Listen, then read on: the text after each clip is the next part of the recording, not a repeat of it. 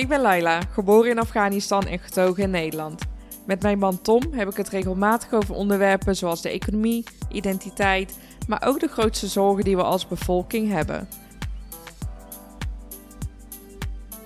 In dit seizoen van 10 afleveringen nodig ik elke week een gastspreker uit en behandelen we een aan Nederland gerelateerd onderwerp.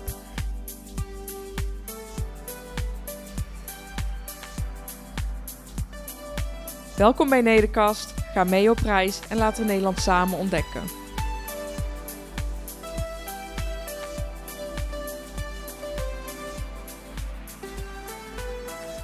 Welkom bij de tweede aflevering van Nederkast, de podcast over Nederland. Deze aflevering ga ik het samen met Peter Rijn van Mulligen hebben over de Nederlandse economie. Naast mij zit mijn man Tom. Hey Tom. Hey Lai. Leuk dat je er weer bent. Ja, ja, we wonen hier samen in principe. hè? Ja. Waarom heb je dit onderwerp gekozen? Nou, economie gaat ons allemaal natuurlijk aan. En zodra je eigenlijk het nieuws aanzet, een krant opent, eh, zelfs op social media, zie en hoor je natuurlijk niks anders dan torenhoge inflatie, eh, de krabbe arbeidsmarkt, vergrijzing, wat ook nog natuurlijk problemen gaat leveren. Ja, zoveel hangt er vanaf. En je hebt eigenlijk heel weinig van zelf in de hand. Ja, precies, want het is echt een gezamenlijk iets. Dus dat is de reden dat ik voor het onderwerp heb gekozen. Nou, interessant. En je gaat het hebben over inflatie, krappe arbeidsmarkt en vergrijzing. Ja, Heb je er zelf ook een beeld bij? Nou ja, ehm, inflatie, daar voelen we natuurlijk als individu superveel van. Toch? Jij komt vandaag thuis met een pak eierkoeken en brood. En dat was 8,20 euro. Nou, ik vind het echt te gek voor woorden. Ja, bizar. Roze is een grote kostenpost aan het worden. Al die boterhammen. Ja, eigenlijk ongemerkt worden je, je etenswaren duurder voor kleinere verpakkingen. In een flesje bier zit tegenwoordig nog maar 0,3 centiliter Ja. in plaats van 0,33. Eh, maar we betalen er hetzelfde voor. Ja, dat heeft een naam, toch? Shrinkflation, inderdaad. Oh, ja. Eh, je gaat of meer betalen voor hetzelfde, of je gaat hetzelfde betalen voor minder. Eh, nou ja, exact dat, dit soort dingen, zeg maar. En alles wat je op het nieuws hoort. Ik kan me voorstellen dat, dat men er moedeloos van wordt. En voornamelijk als je het zelf al niet zo breed hebt. Dus ja, ik ben eigenlijk wel benieuwd wat hij te zeggen heeft. Als er iemand iets vanaf weet, dan is hij het wel. Nou, even voor de luisteraar, degene die hem niet kent. eh Peter Rijn van Mulligen is hoofdeconoom. Hij is de woordvoerder van het CBS. In 2019 heeft hij De Slimste Mens gewonnen, ons lievelingsprogramma. Ja. het is weer begonnen. Hij heeft onlangs ook een boek, of onlangs, hij heeft ook een boek geschreven. Met ons gaat het nog altijd goed. En daarin ontrafelt hij de mythes over Nederland. Super interessant. Staat mij op mijn eh, nachtkastje nog te lezen. Ja, ik, ik, zal er binnenkort mijn tanden eens in gaan zetten. Ik denk serieus dat het jou goed zou doen. Voor de luisteraar klink jij echt als een negative Nancy, maar dat eh, valt wel mee. Je kan er nu nog iets over zeggen, hè, om dat recht te trekken. Eh, even voor, de goede orde, ik ben niet negatief. Nou ja, ik, ik zie mezelf meer als een realist. Oké, nou Tom, ik ga er vandoor. Eh, en ik spreek je daarna wel. Tot straks, veel succes, veel plezier.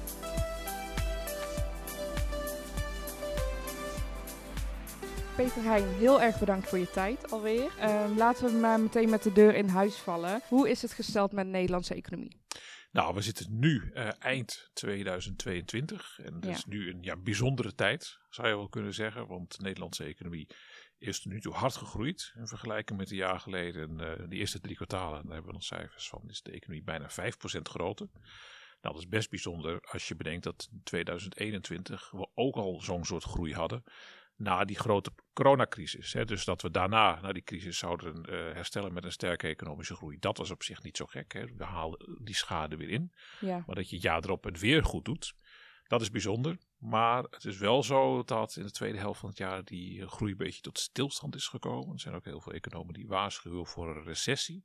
Nou, dat zou zomaar kunnen. Hè, is het gestabiliseerd? ja, het is in het derde kwartaal ietsje gekrompen. Eh, eind eh, over een paar weken dan, hè, dan publiceren we nieuwe cijfers. Dus dan komt er een tweede schatting. Nou, het kan zijn dat dat nog ietsje groter of kleiner is. Maar min 0,2, dat is eigenlijk een stabilisatie. Komt naar een sterke groei. Maar ja, er, zijn veel, eh, er is veel vrees voor recessie. Heeft ook alles met de hoge inflatie te maken. De situatie in Oekraïne. Aan de andere kant, als het een recessie wordt, wordt het wel een hele bijzondere. Want de arbeidsmarkt is op dit moment nog steeds heel krap. Ja. En wat je vaak in een recessie ziet, is dat heel veel mensen hun baan kwijtraken, bedrijven failliet gaan. Nou, daar is op dit moment nog absoluut geen sprake van. Sterker nog, eh, als je bedrijven vraagt wat is dit moment je grootste probleem, Personeelstekort. dan zegt de grootste groep zegt een tekort aan personeel, kan geen mensen vinden. Oké, allereerst, waarom vrezen mensen zo erg voor de economische toekomst die we hebben? Ja, dat heeft op dit moment alles met inflatie te maken. Hè. Die is enorm hoog. eh, sowieso voor Nederlandse begrippen. De laatste keer dat inflatie zo hoog was, dan moet je echt terug naar eh, halverwege de jaren zeventig, ten tijde van eh, de oliecrisis en de nasleep daarvan. En ja, dus dat is al bijzonder. En je ziet dat het ook heel erg geconcentreerd is. Het zijn vooral energieprijzen die hard zijn gestegen. Andere dingen worden nu ook wel snel duurder. Maar de grootste pijn zit bij die energierekening. Dat er heel veel mensen zijn, eh, je, kent de verhalen waarschijnlijk ook wel, die ineens met een energierekening worden geconfronteerd die een paar honderd euro per maand hoger is. Nou, en als je prima inkomen hebt, is dat vervelend maar te doen.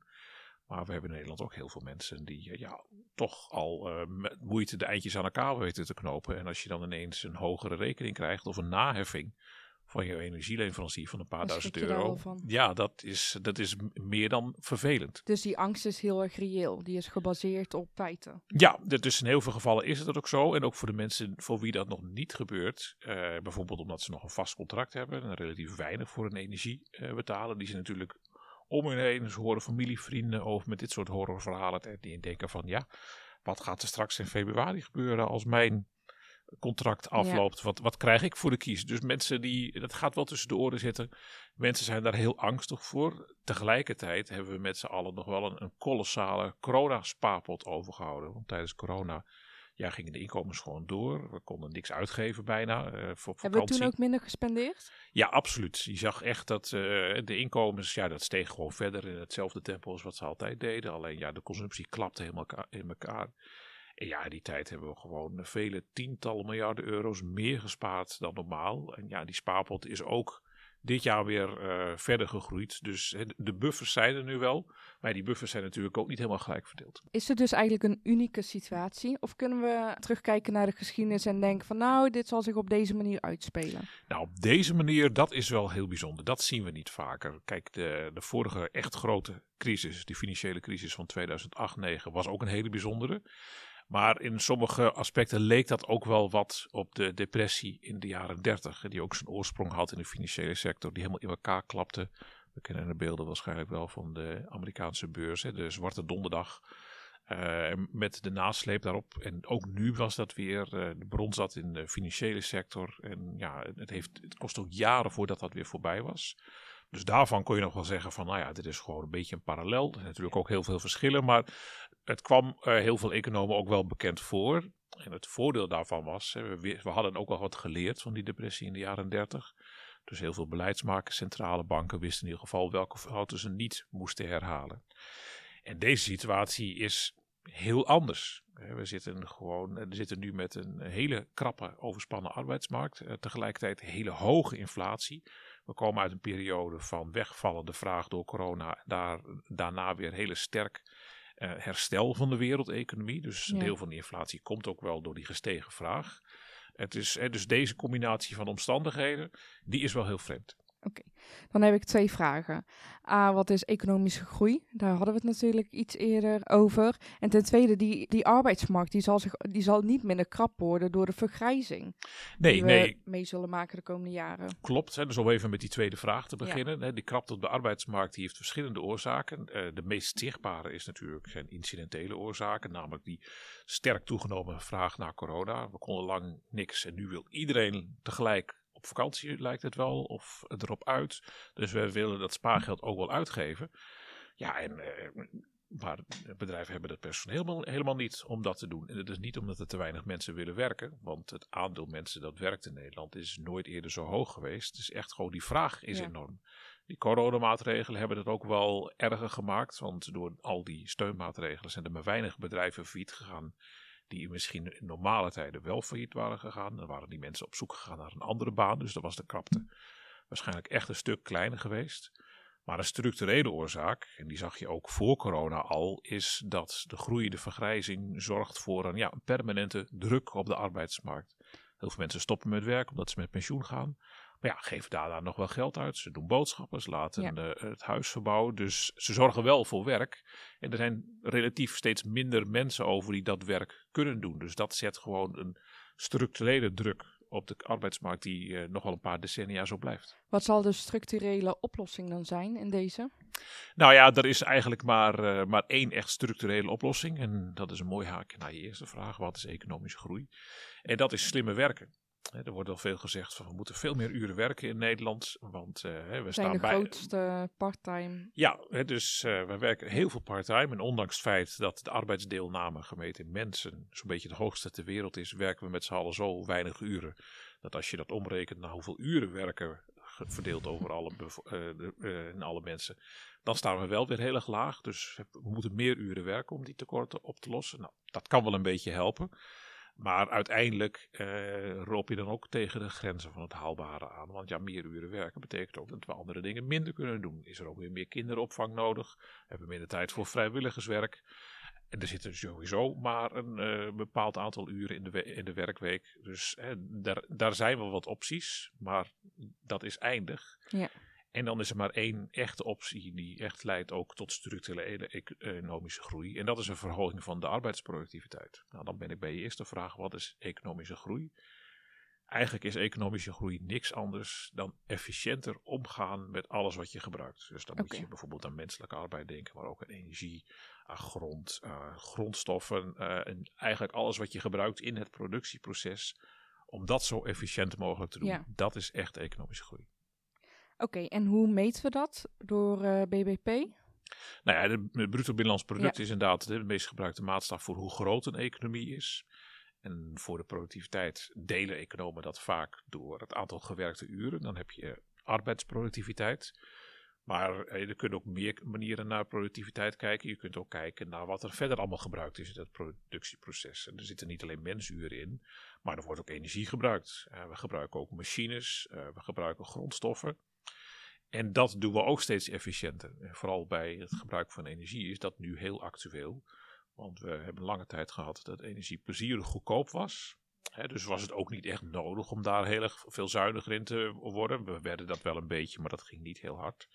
Maar ja, nu energie zo enorm duur is geworden, ja, loont het echt om daarop eh, te bezuinigen. Dit is eigenlijk wat dat betreft, is er wel een parallel aan te wijzen, bijvoorbeeld de jaren zeventig. Toen was e- energie nog veel goedkoper dan nu. Waren we eraan gelegd dat olie bijna niks kostte. Heeft ook geholpen bij eh, het realiseren van de economische groei van toen. Maar ja, toen werd olie ineens hartstikke duur. En wat zag je daarna gebeuren? Dat auto's veel zuiniger gingen rijden. Want ja, mensen willen toch wel een wat zuiniger wel. auto. Ja. Huizen werden beter geïsoleerd. Want ja, dat, eh, dat, dat, zette, dat, dat had eh, een effect om daar wat aan te doen. En zoiets zul je nu ook wel zien. Dat er weer meer wordt ingezet om het minder gebruiken van energie. Met name fossiele industrie. Want er zijn Mhm. sowieso wel genoeg redenen om daar minder van te willen gebruiken. Dus dit helpt daarbij wel. Dus dat is een beetje het gouden randje rondom deze energiecrisis. Dat het ons wel stimuleert om zuiniger met die fossiele brandstoffen om te gaan. eh, al was het maar omdat het gewoon geld scheelt. Zodra ik eh, de tv aanzet, word ik eigenlijk overspoeld door negatief nieuws eigenlijk. En dan lees ik jouw boek en dan spreek ik je, of een Ralph Baudelaire. Dan werkt dat wel heel erg geruststellend. Kan je me vertellen hoe we daar nou echt momenteel op dit moment voor staan, economisch gezien? Nou ja, kijk, hè, die mismatch die is heel duidelijk Ja. tussen eh, hè, wat je op tv ziet en eigenlijk wat je ziet als je echt om je heen kijkt. Als je naar buiten kijkt, dus niet naar het scherm, maar door het raam. En die tweede situatie, die is eigenlijk altijd veel positiever. En dat is ook wel logisch, want wat zie je in het nieuws? Dat zijn de dingen die opvallen en dat zijn de dingen die misgaan. Ja. En daar is ook alle reden voor, want als je de dingen die misgaan, als je daar verder geen aandacht aan besteedt, ja, dan valt er blijkbaar ook niks te verbeteren. Dus het is goed dat we dat doen. Maar eh, het risico daarvan is, is dat je dan gaat denken wat je op dat scherm ziet of in de krant leest, dat het, eh, dat, dat de algemene stand van de wereld is. Ja. En dat is niet zo. Nou, nou, de huidige positie van Nederland is nog steeds een hele goede, hè, ondanks corona en eh, allerlei andere ellende die we nu hebben met hoge energieprijzen. Ook als je kijkt bijvoorbeeld naar die ramingen van het Centraal Planbureau, 4% koopkracht eraf in eh 22 en 23. Dan denk je, nou, dat is, eh, dat is stevig, dat, dat kost Ja. ons veel geld. Maar ja, kijk je dan wat terug, dan zit je terug op het niveau van de koopkracht van ongeveer 2018. Nou, Dus dat is helemaal zo slecht nog niet. je kunt niet zeggen dat we in 2018 heel arm waren. Hey, Het is natuurlijk, wil je wel weer economische groei, want mensen willen er toch wel een beetje op vooruit gaan. Ze willen ook het Ja. idee hebben dat hun kinderen het nog weer beter zullen krijgen. Dus om nou te zeggen van, nou ja, niks aan de hand. Maar het is ook weer niet zo eh, dat nu helemaal eh, de ellende is uitgebroken en dat het eh, ja, nooit meer zo goed wordt als het was. Het is vervelend genoeg, dat zal ik zeker niet ontkennen. Maar het is wel iets eh, waar de Nederlandse samenleving, die, we zijn met z'n allen hartstikke rijk, we kunnen gelukkig wel tegen een stootje. Het is genuanceerder, dus. Ja, en er zijn natuurlijk altijd groepen voor wie het er anders uitziet dan voor andere groepen die het, Ja. eh, die het wat beter hebben. Maar als je kijkt naar Nederland als geheel en je kijkt en vergelijkt het met hoe we ervoor stonden 10, 20, 30 jaar geleden. Ja, dan kan ik eigenlijk alleen maar de conclusie trek- trekken dat we er alleen maar op zijn vooruit gegaan. Oké. Fijn om te horen. Een van die dingen eh, wat ik op het nieuws ook voor continu voorbij zie komen en wat ik je nu ook hoor zeggen, die twee groepen, laten we het ongelijkheid noemen. Wordt de ongelijkheid in Nederland steeds groter? Dat is niet wat, is ongelijkheid, Ja, ongelijkheid Dat eigenlijk? is, dat, laten we daarmee beginnen. Dat is wel een hele goeie. Ehm, ongelijkheid heeft natuurlijk heel veel dimensies. Er wordt vaak gekeken naar eh, de financiële kant, bijvoorbeeld inkomensongelijkheid, vermogensongelijkheid. Nou, de cijfers die er daarvoor zijn, die zijn, eh, die zijn redelijk duidelijk. Inkomensongelijkheid is eigenlijk al jarenlang eh, constant in Nederland. Sinds 1990 ongeveer is dat niet of nauwelijks veranderd. In de jaren 80 steeg het wel een beetje. Dat heeft vooral te maken met het feit dat toen echt een serieuze crisis was in Nederland. En de welvaartsstaat eigenlijk zo opgezwollen was dat de overheidsfinanciën dat niet meer konden dragen. Nou, die is toen Mhm. stevig gesaneerd. Maar ja, dat betekende wel dat mensen aan de onderkant daar wat meer last van hadden. Dus dat heeft de ongelijkheid toen wel ietsje vergroot. Eh, Eind jaren 70 was het een beetje op zijn laagste punt ooit. Maar sinds 1990 is dat vrijwel gelijk gebleven. Dus kijk je naar inkomens, dan gebeurt er niet zoveel. Vermogens is een ander verhaal. Sowieso is de vermogensongelijkheid in Nederland relatief groot. Mhm. En dat heeft ook wel een beetje te maken eh, met hoe eh, de Nederlandse samenleving is ingericht. Hè. Kijk bijvoorbeeld naar eh het woningbezit. In Nederland kun je gewoon heel veel geld lenen voor een hypotheek. Je kunt gewoon 100% van de waarde van de hypotheek lenen en dat vindt niemand gek. Dus dat betekent dat mensen ook heel veel schulden opbouwen om, om die hypotheken, eh, om die huizen te kunnen kopen.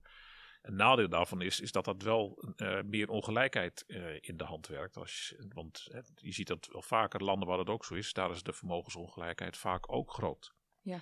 Bijvoorbeeld een land als Denemarken, terwijl Denemarken in heel veel opzichten Nederland lijkt, in de zin van dat het een redelijk egalitair land is. Staat wel weer in Nederland tegenover dat we allemaal grote pensioenfondsen hebben, waar heel veel mensen bij aangesloten zitten. We hebben eigenlijk een basisinkomen voor gepensioneerden, dat we AOW noemen. Dus eh, de vermogensongelijkheid hier is wat dat betreft eh, voor heel veel mensen ook weer niet zo'n groot probleem. Omdat ook de meeste mensen toch wel gegarandeerd zijn van een voldoende inkomen om rond te komen. Maar goed, dat is alleen hè, vermogensongelijkheid, inkomensongelijkheid. Dat is dan alleen het financiële plaatje. eh, maar waar heel veel mensen ook aan denken, die is niet zozeer naar geld, maar gewoon kansen in het leven. Denk Oh ja. bijvoorbeeld aan verschillen tussen mensen die eh, relatief eh, kort op school hebben gezeten, niet zoveel diploma's hebben, versus mensen met een academische opleiding. Mensen die hoog opgeleid zijn, lang hebben gestudeerd, veel diploma's hebben, die worden veel ouder, hebben een hogere levensverwachting, maar zijn ook veel langer dat ze gezond blijven. En dat verschil kan wel oplopen tot eh, nou, zo'n 7 à 8 jaar. Ja, dat is ook een vorm van ongelijkheid. En wordt, die, wordt dat verschil ook steeds groter? Ehm, dat durf ik even niet te zeggen, maar eh, het verschil is er, al, is er al wel een tijd. En dat Ja. heeft met allerlei zaken te maken, ook bijvoorbeeld met leefstijl. Je ziet dat mensen met meer opleiding over het algemeen een wat gezondere leefstijl hebben. En dat is niet zozeer omdat ze op de universiteit tot in het laatste jaar eh, een soort voedingscoach voor de klas hadden staan wat ze moeten eten, hoeveel ze bewegen. En als mensen minder opleiding gehad, dat ze die les hebben gemist.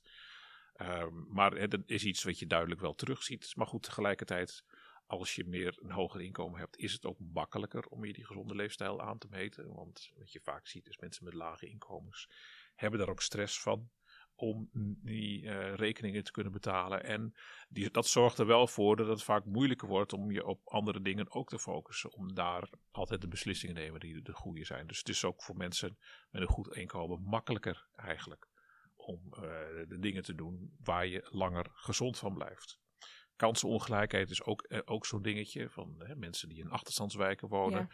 Of in eh, een klein dorpje op het platteland hebben die wel dezelfde onderwijskansen bijvoorbeeld als mensen die in een welvarende buitenstad in, eh, in, in, in de Randstad wonen. Hè, waar Maar- betere leraren zijn. Als we, dat, als we die kansenongelijkheid hè, vergelijken, eh, die van Nederland vergelijken met de rest van de wereld, hoe kunnen we dat dan zien? Ja, dat is een beetje lastig om dat goed te vergelijken. Maar wat je wel ziet eh, in Nederland, eh, bijvoorbeeld in het onderwijsstelsel. eh, en ook bijvoorbeeld in hoe jongeren het doen op de arbeidsmarkt. Dan doet Nederland het relatief goed. Hè, wat, ik ben geen onderwijsexpert, maar het beeld dat ik soms wel eens krijg uit dit soort statistieken. is dat Nederland aan de ene kant weinig echte uitblinkers heeft aan de Mhm. bovenkant. Kijk naar echt de topwetenschappers. Dat zie je dan voornamelijk bij de topuniversiteiten, bijvoorbeeld in de Verenigde Staten, ook in het Verenigd Koninkrijk. En Nederland is wat dat betreft meer subtop. Eh, maar aan de andere kant, we hebben ook heel weinig uitschieters aan de onderkant. Dus het Nederlands onderwijsstelsel eh, is waarschijnlijk niet het beste ter wereld. Maar het slaagt er over het algemeen wel heel behoorlijk in om eh, iedereen tot op een zeker eh, minimaal basisniveau te krijgen. En dat zie je ook heel duidelijk terug. En dan kom ik toch weer op de arbeidsmarkt uit, waar ik net weer iets meer van Ja. weet dan van onderwijs. Ja. Is als je kijkt naar eh, schoolverlaters zonder werk. Dus dat zijn jongeren die niet, geen studie volgen, maar ook niet werken. Dat, is, dat aandeel is nergens in Europa zo laag als in Nederland. Misschien dat het in Luxemburg nog iets lager is. Verschilt een beetje per jaar. Maar hè, eh, werkloze schoolverlaters, hè, dat, waarvan je zegt van nou, dat zou je kansarme jongeren kunnen noemen. Want ja, die zijn blijkbaar al klaar met de opleiding. Zijn, niet nog, zijn nog niet een beroepsopleiding aan het doen of iets anders. En toch werken ze niet. Wat doen ze? Dat is een groep waarvan je kunt zeggen van nou, dat, die wil je als maatschappij lijkt me zo klein mogelijk houden. Ja. En, en juist die groep is in Nederland eh, heel, Heel erg klein. En ook veel kleiner dan andere landen. Dus dat doet mij in ieder geval de conclusie trekken dat in ieder geval ook het Nederlandse onderwijsstelsel en ook in combinatie met de arbeidsmarkt wel zo is ingericht dat vrijwel iedereen in Nederland ook wel die kans heeft Ja. eh, om gewoon eh, werk te vinden met de, met de opleiding die die genoten heeft. Ligt het dus aan iemands individuele intrinsieke motivatie? Ja, dat is een hele lastige. Eh, kijk, motivatie speelt, zal ongetwijfeld een rol spelen. Eh, aanleg, hè, wat je kunt of niet. Kijk, sommige eh, zaken als competenties op allerlei terreinen. Hoe handig je in iets bent, hoe eh, snel je bepaalde dingen oppikt. Ja, dat is niet gelijk verdeeld. Je hebt gewoon mensen die super slim zijn en mensen die eh, moeilijk mee kunnen komen. Net als jij, want jij bent de slimste mens. Eh, nou ja, in zekere zin. Hè, ik weet heel veel nutteloze feitjes en dat, dat levert je soms eens wat op. Maar het, dus dat is niet gelijk verdeeld. En ja, dan merk je er gewoon, hè, de mensen die moeilijker mee kunnen komen, ja, die vinden het ook moeilijker om een opleiding af te ronden. Dat is, en, en daar is helaas vrij weinig aan te doen. En ja. die, die groep, eh, die is niet heel groot. Zeker in landen Ja. als Nederland valt dat wel mee. En slagen we er ook wel in om die mee te krijgen. Maar ja, goed, Ja. er zijn bepaalde voorzieningen die we in het verleden hadden. De sociale werkplaatsen. Daar is wel op bezuinigd. En nou is het niet zo dat je al in de cijfers kunt zien hè, dat er een, een soort probleemgroep aan het Ja. ontstaan is. Mensen die echt niks kunnen en ook in de maatschappij niet mee kunnen komen. Maar eh, het- die groep zul je altijd hebben. En normaliter zou je zeggen dat het dus over een aantal jaar wel zichtbaar is. Maar omdat we misschien zo'n krapte op de arbeidsmarkt hebben, zal dat ook misschien wel meevallen. Ja, dat is wat lastig om te zeggen. Hè. Dus de groep die echt niet mee kan komen en daar Ja. er ook echt niks van vinden, die, die zal er altijd zijn. Is in. Nederland wel relatief klein. Ja. Maar dat is natuurlijk geen reden om te zeggen van, nou ja jongens, eh, dat eh, kunnen we helemaal niks aan doen. Die paar procent moeten we maar voor lief nemen. Ik denk wel dat je als samenleving moet inzetten om te proberen om die mensen ook een kans eh, te geven. absoluut. Maar eh, ja, en, en sommige mensen kunnen ook gewoon pech hebben. Het is echt niet zo dat, ik denk zelfs in de meeste gevallen van de mensen die echt heel weinig hebben in het leven, in heel gevallen het ook niet meezit. Dat Ja. ze niet de beste fysieke gezondheid hebben. Dat zie je ook bijvoorbeeld bij mensen in de, die in de bijstand zitten, dus helemaal niet werken. Eh, de meerderheid daarvan is ziek of arbeidsongeschikt. Ja. Het is niet zo dat ze, dat ze gewoon geen zin hebben om te werken. Vaak kunnen ze het niet.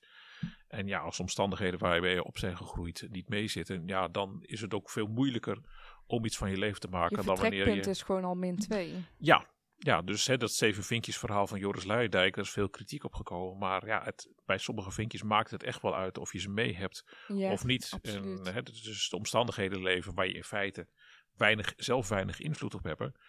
Ja, die bepalen nog steeds wel voor een deel de kans op wat je bereikt. En het is niet zo in Nederland dat dat alles bepalend is. Ja. Het is niet, in Nederland is het gelukkig nog steeds zo dat ook als je achtergrond niet mee zit, Uh, maar je doet wel je best, dan kun je nog wel iets bereiken. Maar het is niet een simpelweg verhaal, simpel verhaal van het is alleen maar geluk of het is alleen maar eigen inzet. Het is altijd een combinatie van die twee.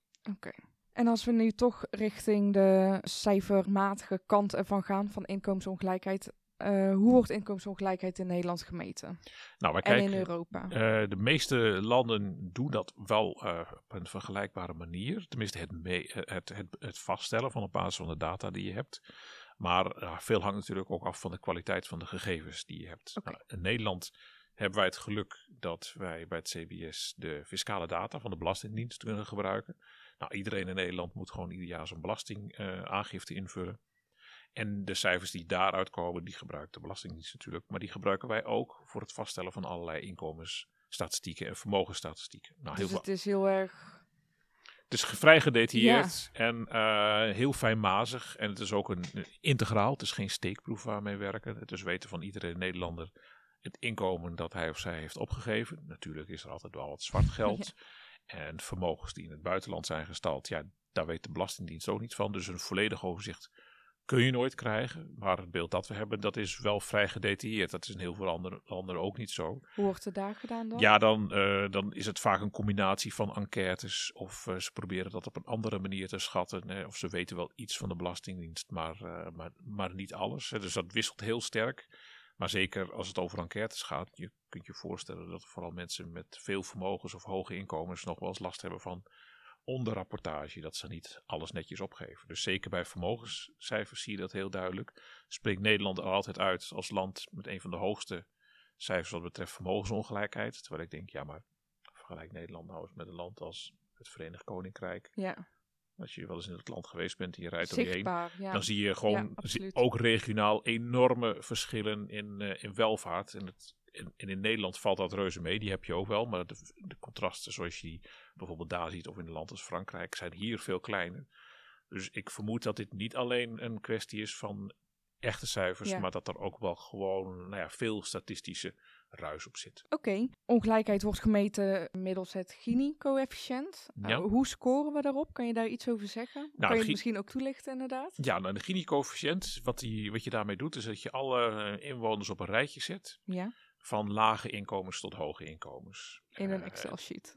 Bijvoorbeeld, het is een hele grote Excel-sheet, maar Ja. stel je het zo voor. Je Ja. kunt het ook als een soort van parade zien. En dus hè, links staan de mensen die het laagste inkomen hebben. Dat kan zelfs negatief zijn. Bijvoorbeeld een zelfstandige die een keer een jaarverlies heeft geleden. Ja, En dat gaat zo door tot aan de mensen met de hoogste inkomens. Nou, met ieder stapje kun je het ook optellen. Hè, dus de onderste 1% heeft dan gecombineerd 0%. En de onderste 2% heeft misschien gecombineerd een half procent van het inkomen. Nou, uiteindelijk kom je bij de 100% van alle mensen uit. En die hebben natuurlijk ook samen 100% van het inkomen. Ja. Nou, als je de inkomensongelijkheid eh, helemaal nul zou zijn, dus eh, iedereen zou precies hetzelfde hebben, dan, eh, dan zou je die, die, die som zou je gewoon een, een diagonale lijn zien. De, de laagste 1% heeft 1% van het inkomen, de Ja. laagste 10% heeft 10% van het inkomen enzovoort. Dat is volledige gelijkheid. Nou, dat is niet zo. Hè. Dus de echte lijn die je zou trekken, zit daaronder. Het voorbeeld dat ik noemde, en dat is ook wat je ziet. Hè. De laagste 20% inkomens hebben maar Ja. 8% van het inkomen. En dan de hoogste procent hebben meer. Dus dan kom je ook wel bij die 10% uit. En die Gini-coëfficiënt is eigenlijk de, het stuk tussen die diagonale Ja. lijn die je hebt en de echte lijn die je hebt. En als iedereen het gelijk heeft, dan vallen die twee lijnen samen. Is het nul. communistisch. Dan is het, eh, ja, dat precies. En dan zit je in een soort eh, communistische heilstaat waar iedereen het werk doet en dan vervolgens wordt al het geld eh, gelijk onder iedereen verdeeld. Ja, ook niet ideaal. Dat, is, eh, dat lijkt me ook niet eh, Nee. helemaal ideaal. We hebben ook in het verleden gezien dat dat niet helemaal eh, goed Nee. werkt in de praktijk. Maar het andere uiterste is dat niemand iets heeft behalve de allerlijkste persoon. En dan is de daadwerkelijke verdeling gewoon een horizontale lijn op de x-as. Ja. Tot aan het allerlaatste puntje en dan schiet hij ineens verticaal gewoon 90 graden omhoog. Ja, en dan is die Gini-coëfficiënt maximaal. Dan zit hij op 1. Ja, Nou, dus 0 is het laagst mogelijke, 1 is het hoogst mogelijke. En Nederland zit ongeveer net iets onder de 0,3. En de meeste andere landen zit je veel hoger. Hè? Dus de Verenigde Staten gaat het, zit het echt eh, rond de 0,45.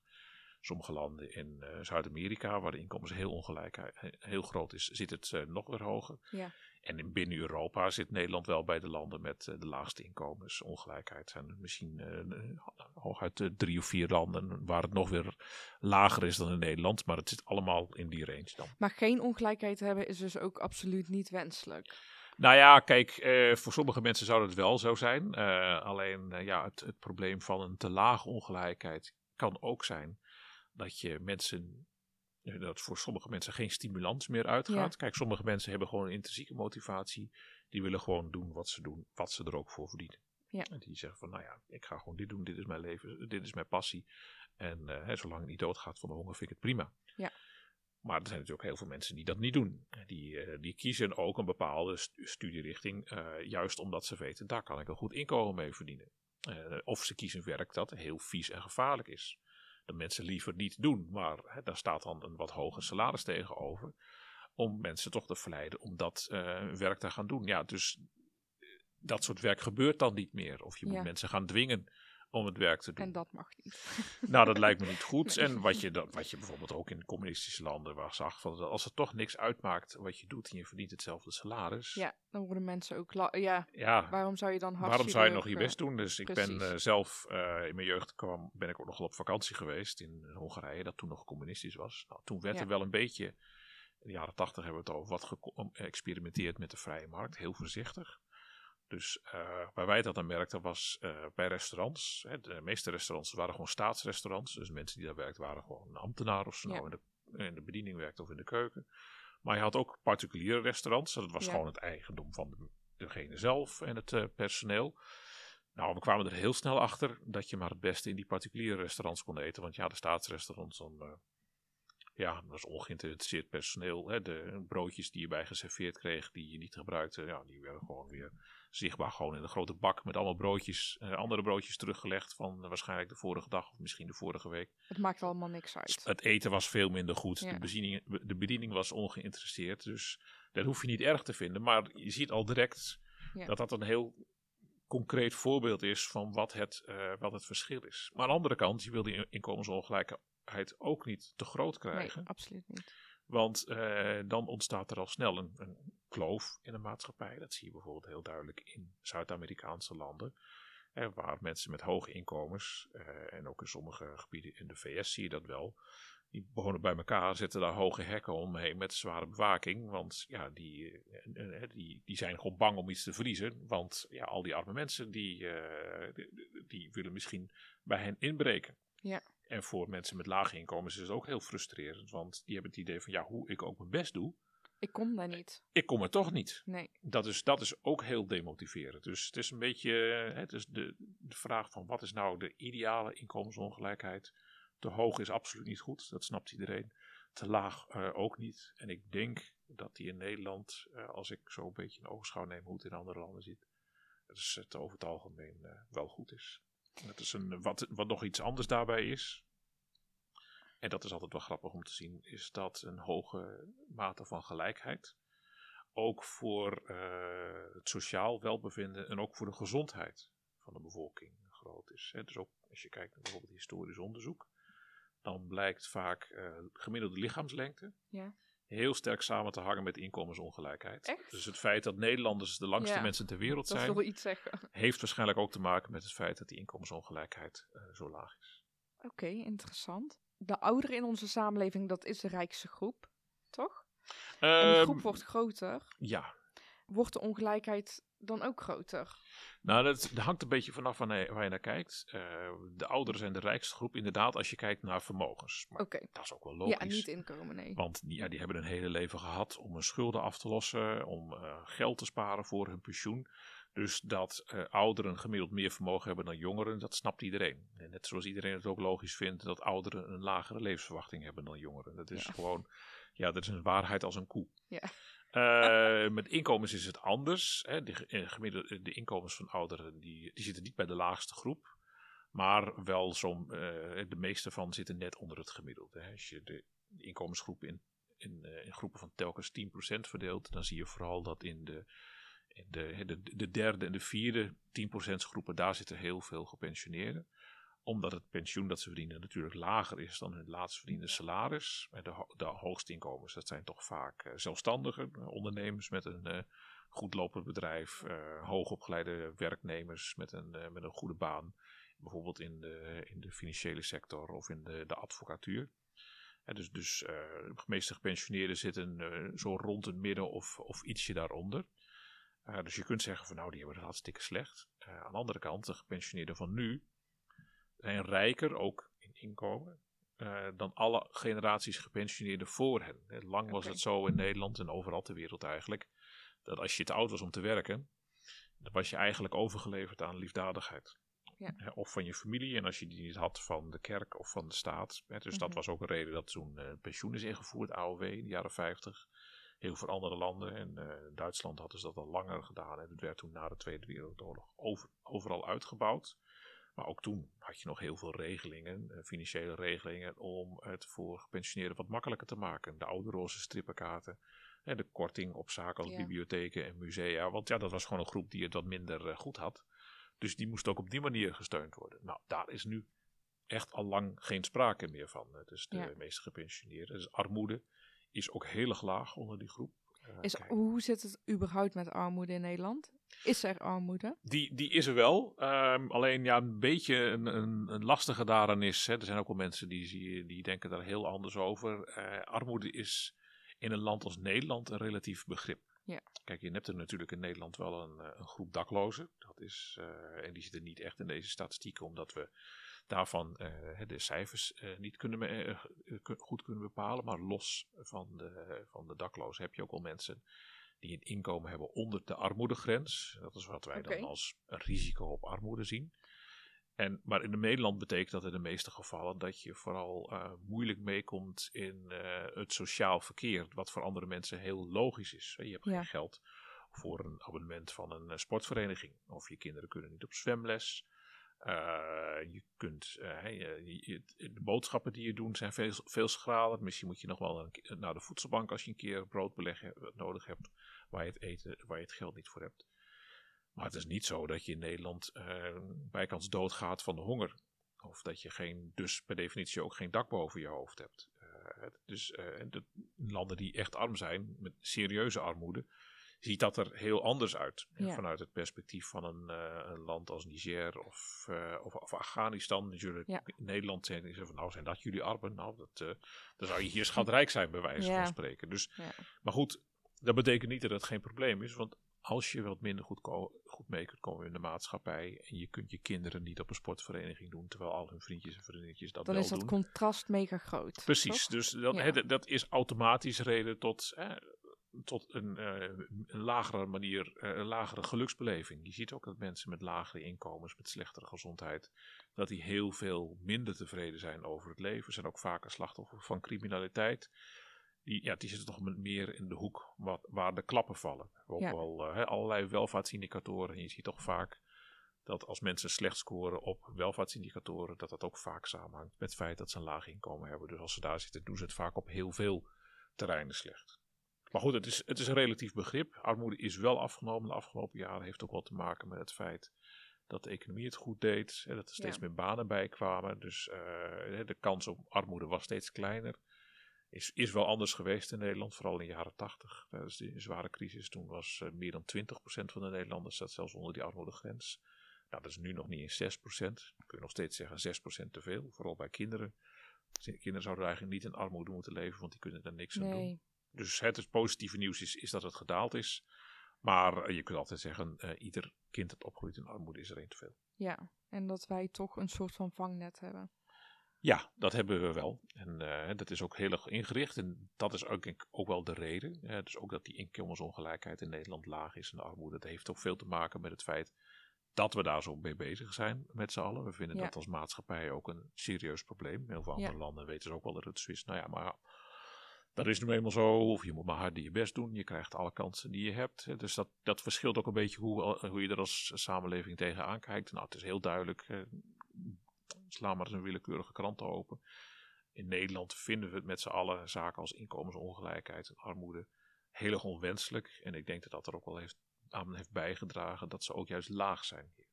Omdat er heel veel voor gedaan wordt Omdat Ja. we dat juist niet We vinden. vinden het een probleem. Daardoor zijn er allerlei regelingen, toeslagen, noem maar op, om ervoor te zorgen dat zo weinig mogelijk mensen daar last van hebben. We leven toch eigenlijk wel in een heel prettig land, hè? Ja, ja. en er kunnen altijd dingen beter. Dus, Ja. dus voor ieder onderwerp wel iets te bedenken van nou, dit deel doen ze daar toch beter en dit deel doen ze daar toch beter. Maar eh, als je alles op een rijtje zet, je kijkt naar allerlei landen met, je pakt allemaal verschillende welvaartsindicatoren en je zet een land op die manier op een, eh, een rijtje, dan scoort Nederland wel altijd heel erg hoog. Hè. Samen een beetje met de usual suspects. Denk aan landen als de Scandinavische landen, Zwitserland, Oostenrijk. Dat zijn ook vaak landen die eh, heel hoog scoren op een breed scala aan dat soort welvaartsindicatoren. Ja, en daar staat Nederland gewoon tussen. Ik vind dat een hele mooie afsluiter. Ja, ja ik denk hè, dat, dat kan al, kan altijd beter. Ja, daar moeten Ja. we ook altijd naar blijven streven. Maar we moeten niet denken dat het eh, alleen maar er slechter op geworden is, want dat is echt niet zo. Dankjewel, Peter Rijn. Graag gedaan, was leuk. Beste luisteraar, bedankt dat jij je kostbare tijd hebt besteed aan het luisteren van deze aflevering. Wil je niks missen? Volg dan Nedercast op Spotify, Apple Podcast of Podimo. En ook ben ik ontzettend benieuwd wat jullie van Nedercast vinden. Dus laat alsjeblieft een review achter. Tot volgende week dinsdag.